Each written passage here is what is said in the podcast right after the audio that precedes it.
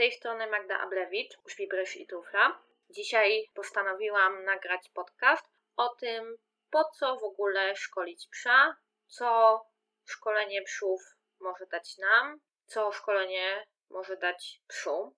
Wydaje mi się, że bardzo dużo osób albo oczekuje od szkolenia za dużo, albo przeciwnie, uważa, że szkolenie to samo w sobie jest zło, nie ma po co szkolić psa, to nie ma sensu i że zupełnie świetnie sobie bez tego szkolenia poradzą i oni, i ich pies. Dlatego dzisiaj chciałam opowiedzieć o tym, po co szkolić psa, kiedy zacząć go szkolić i czy właśnie to w ogóle ma sens dla Was. Ja zainteresowałam się światem zwierząt od trochę innej strony niż pewnie większość osób.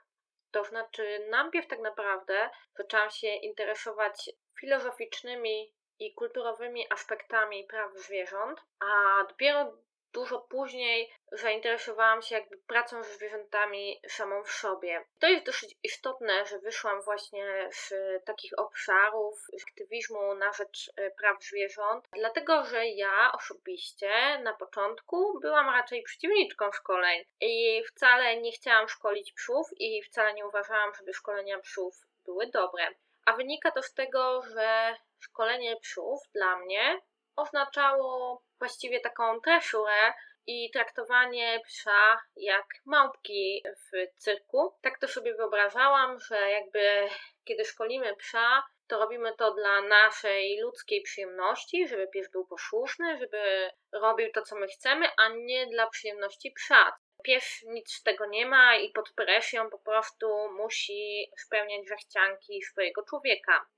I kiedy już zrozumiałam, że praca ze zwierzętami towarzyszącymi to jest właśnie to, czym chciałabym się zajmować, tak naprawdę na początku też w ogóle nie myślałam o szkoleniu. Myślałam o tym, żeby po prostu zajmować się terapią zwierząt, y, pomagać im, kiedy są lękliwe, agresywne itd. Tak I myślałam, że będę tylko i wyłącznie behawiorystką, ale kiedy zaczęłam się zagłębiać w świat behawioru, w świat terapii psów, to zrozumiałam, że moje pojęcie tego, po co szkolić psa i co komu to daje, jest bardzo mylne. Bardzo mylne było. Nie zmienia to faktu, że do dziś dnia spotykam osoby, które uważają, że szczęśliwy pies to taki, który nie ma zasad, któremu nie narzucamy naszych oczekiwań co do tego, co on ma robić, a co robić nie ma. Z drugiej ze strony są osoby, które myślą, że jak pójdą na szkolenie, to wyeliminują nieprawidłowe zachowania psa, które biorą się trochę z czego innego niż to, że on po prostu jest nienauczony komend i niewychowany. Z trzeciej strony są też osoby, które uważają, że pies powinien właściwie żyć jak w wojsku, cały czas wykonując nasze polecenia i w zasadzie w życiu psa nie powinno być żadnej spontaniczności, i decydowania samemu o sobie, tylko po prostu pies powinien robić to, co my uważamy w danym momencie, że odpowiednie. A prawda, jak zwykle, leży gdzieś po środku. Od razu tutaj powiem, że namawiam do tego, żeby pójść na szkolenie opiekuna naprawdę każdego psa, niezależnie od tego, czy pies sprawia jakieś kłopoty, czy nie, i niezależnie od tego, co planujecie z nim robić, czy będzie to pies, nie wiem, wystawowy, biorący udział w zawodach, czy też po prostu psiak, który będzie sobie chodzić po lasach i zupełnie nic mu nie jest potrzebne poza przywołaniem. Naprawdę dla każdego psa szkolenie jest dobre, jeśli będzie odpowiednio oczywiście poprowadzone i może dać Wam dużo, dużo dobrego.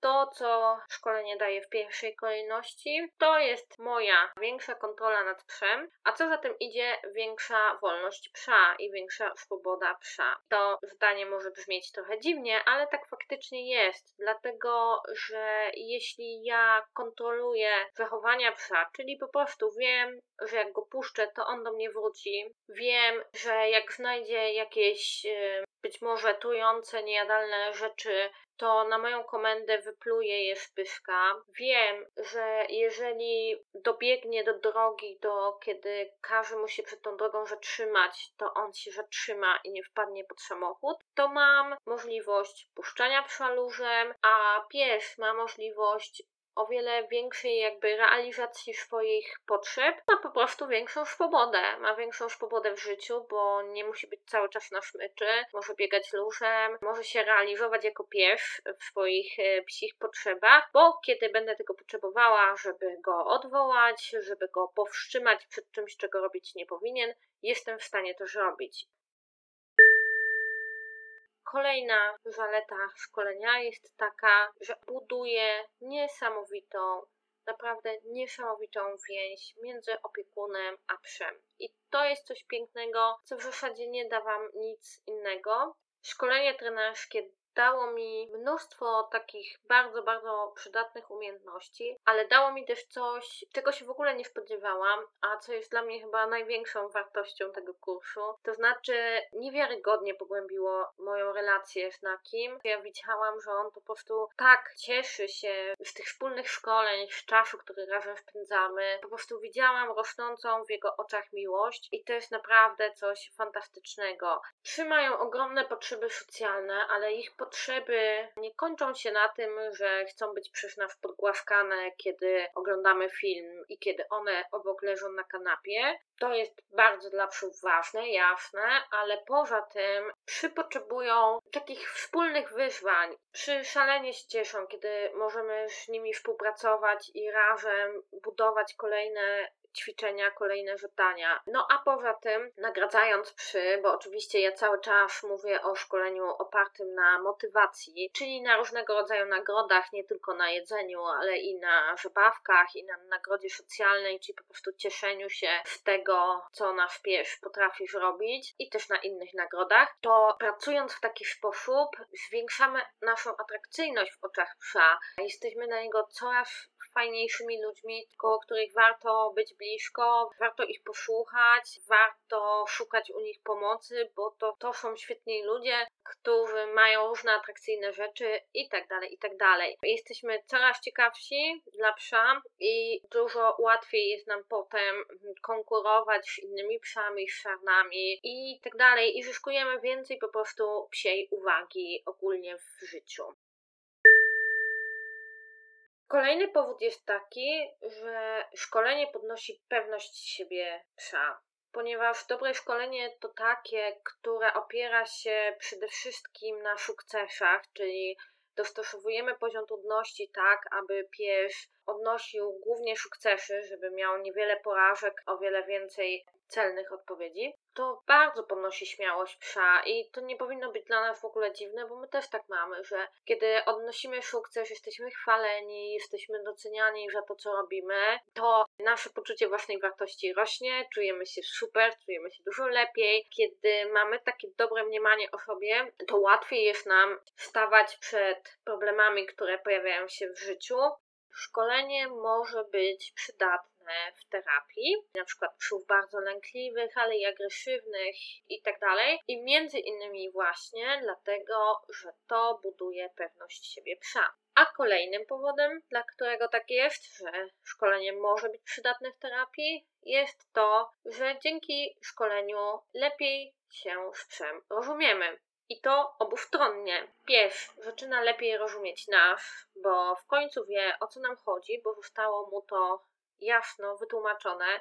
I wierzcie mi, że wbrew pozorom Najczęściej jest tak, że opiekunowie uważają, że pies ich rozumie. Pies wie, że źle zrobił, pies wie, co zrobić powinien i tak dalej, bo on się tak zachowuje, jakby wiedział, ale to jest tylko nasze wyobrażenie. Nam się wydaje, że powiedzmy, jeżeli pies usłyszał nie wolno, powiedziane bardzo niemiłym tonem i szkulił uszy i gdzieś tam odwrócił głowę, unika kontaktu wzrokowego, no to znaczy, że on wie, że źle zrobił i rozumie, że tego robić nie powinien. Tymczasem ten pies wie, że my jesteśmy wściekli i tylko tyle.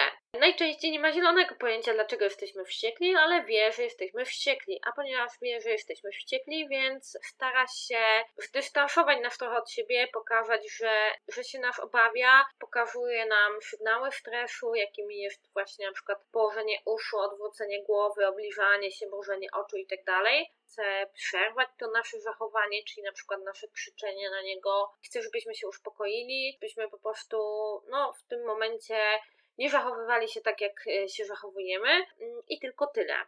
Kiedyś na przykład konsultowałam psa, którego opiekun stwierdził, że jego pies wie, że ma wejść w kanapy, jakiś o to poproszony, ale e, tak od słowa do słowa to okazało się, że pies absolutnie nigdy nie był nauczony żadnej komendy wejdź, ani zejdź, ani wyjdź, nie wolno, cokolwiek. Nie był uczony schodzenia z kanapy, był po prostu z tej kanapy wpychany. Było hasło rzucone żłaś i potem pojawiało się pchnięcie psa w kanapy. Podejrzewam, że pies zrozumiał żłaś nie tyle jako masz zejść w kanapy, co teraz mój opiekun będzie się dziwacznie zachowywać i będzie się ze mną przepychać i do pewnego momentu pies ten stan rzeczy akceptował, a w międzyczasie niestety przytył, a jego stan zdrowia się pogorszył. Bardziej mu zależało na tym, żeby móc spokojnie wypocząć na kanapie, w związku z czym, kiedy opiekun próbował go przepchać, odpowiadał agresją. I tutaj wystarczyłoby, znaczy tutaj to przede wszystkim trzeba było zająć się stanem zdrowia psa, ale też inna sprawa.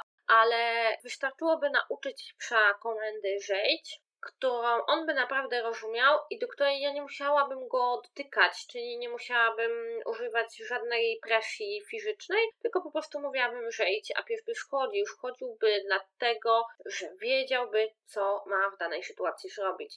I to bardzo ułatwia życie psom, kiedy one wiedzą, co my chcemy od nich, czego my oczekujemy, ale to tak naprawdę też ułatwia nam życie i szkolenie, jestem o tym przekonana, poprawia też komunikację naszą z w sensie nasze widzenie tego, co pies chce, czego pies nie chce i tak dalej, bo żeby szkolić psa, musimy się na nim skupić, musimy na niego patrzeć, patrzeć na jego zachowanie w danym momencie i ludzie zaczynają zauważać, że kiedy pies nie chce czegoś robić, to robi tak i tak, że jak się cieszy, to robi tak i tak, po prostu bardziej tego psa obserwują i co za tym idzie, lepiej go rozumieją, więc ta komunikacja polepszona jest obustronna. I tutaj dochodzimy do kolejnego bardzo ważnego punktu, czyli do tego, że dzięki temu, że szkolimy psa, spędzamy w nim czas.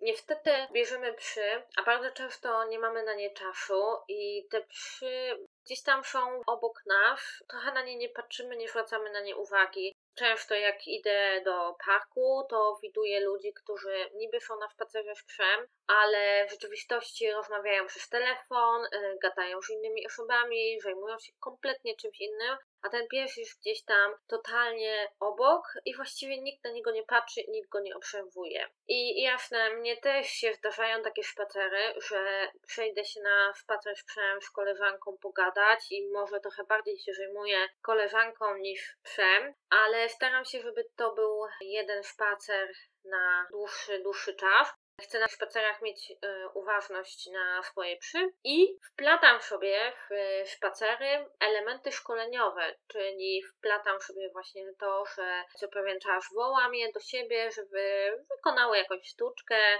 obiegły drzewko, zrobiły cokolwiek tam innego, co sprawia, że po prostu fajnie się razem bawimy. Kiedy mam czas dla psa, biorę smakołyki i teraz szkolimy, wyłączam telefon, jestem niedostępna i jedyne co istnieje to ja i mój pies i nie ma nic poza tym. Cały czas go obserwuję, patrzę na niego, jestem z nim i pies to widzi i to docenia. I e, wierzcie mi, że przy doskonale wiedzą, kiedy my z nimi jesteśmy, a kiedy nie. E, mój Naki jest najlepszym przykładem. W tym momencie staram się już w ogóle nie odbierać telefonów na spacerach, właściwie nigdy, ale dawniej mi się to zdarzało, że kiedy właśnie byłam na spacerze, to jednak jak ktoś tam dzwonił, no to odbierałam telefon. I Naki perfekcyjnie wiedział, że teraz stracę uwagę na niego położoną i ona będzie gdzieś zupełnie indziej, więc jak tylko widział, że ja odbieram telefon, podnoszę go do ucha, to w tym samym momencie Naki znikał mi z horyzontu i przed um,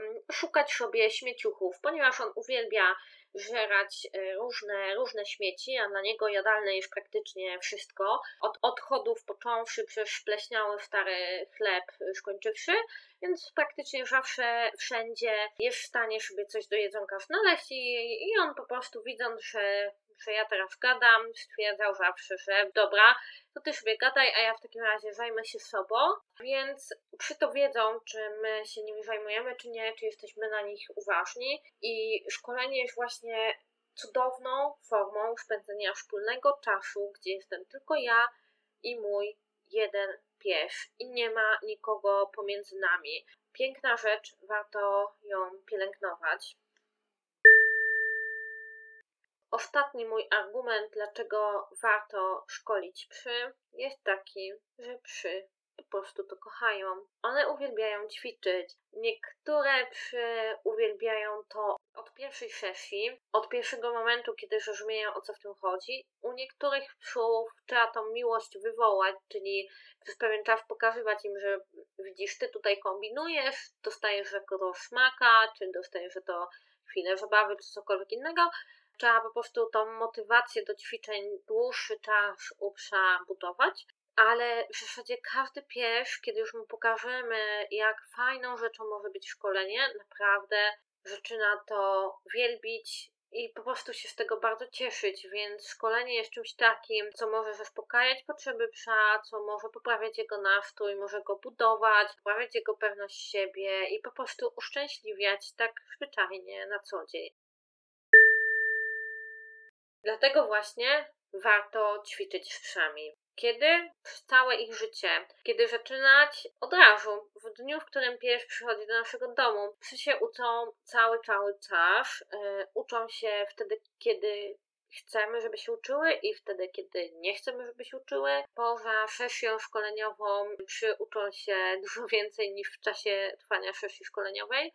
I tak naprawdę, jeśli chcemy, żeby pies dobrze się z nami komunikował i my z nim, i żeby faktycznie był nam posłuszny, no to najlepiej jest zacząć szkolenie właściwie od samego początku. Uczenie psa na przykład reakcji na swoje imię, uczenie, że kiedy do mnie podejdzie, to stanie się coś fajnego, uczenie, że u mnie są różne fajne zabawki, że po prostu jestem fajna, czyli może zaczynam naukę od bawienia się z psem i pokazywania mu, że po prostu jestem atrakcyjną osobą.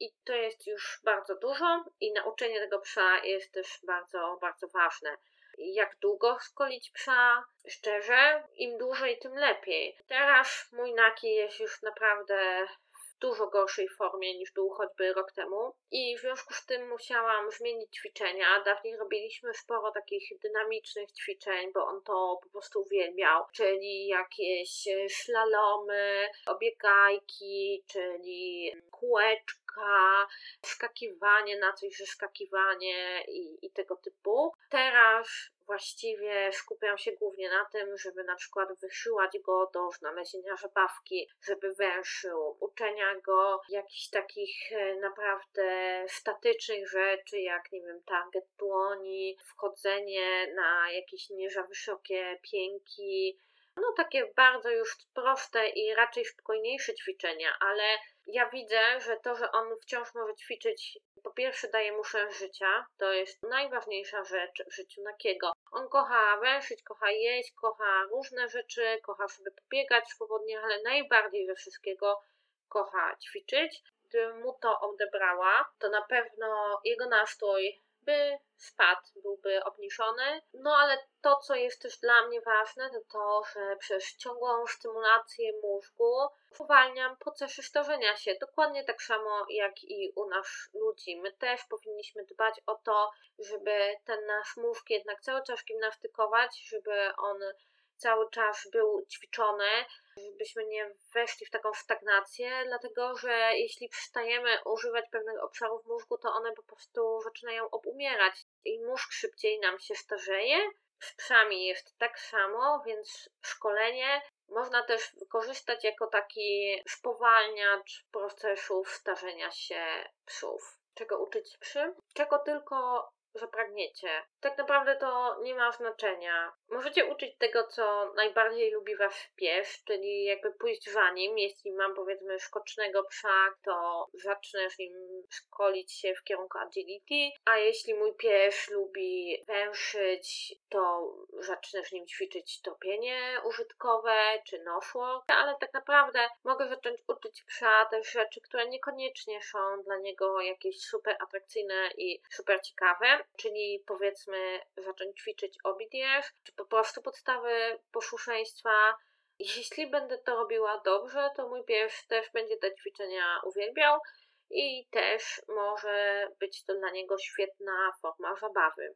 Jak uczyć psa? To jest moim zdaniem najważniejsze pytanie, dlatego że te wszystkie pozytywy, o których ja mówię, funkcjonują. Jeżeli szkolimy psa na nagrodach, nie na karach, jeżeli motywujemy go do pracy, czyli jakby też wpatrujemy się tego psa, słuchamy go, czego on potrzebuje, co on lubi i wykorzystujemy to, co jest dla niego przyjemne, co jest dla niego fajne, do tego, żeby go nagradzać, wtedy faktycznie to szkolenie będzie miało rewelacyjne rezultaty. Natomiast niestety, idąc na szkolenie tak zwane tradycyjne, oparte na karach dodatnich i wzmocnieniach ujemnych, czyli po prostu na dodawaniu czegoś niemiłego do środowiska, kiedy pies nie robi tego, czego od niego oczekujemy. Na przykład pies nie chce iść przy nodze, więc go ściągam do siebie na kolczatce i jeśli on próbuje gdzieś tam odejść w bok, no to dostaje szarpnięcie kolczatką, więc musi iść blisko, żeby nie utrzymywać tych bodźców bólowych, czy na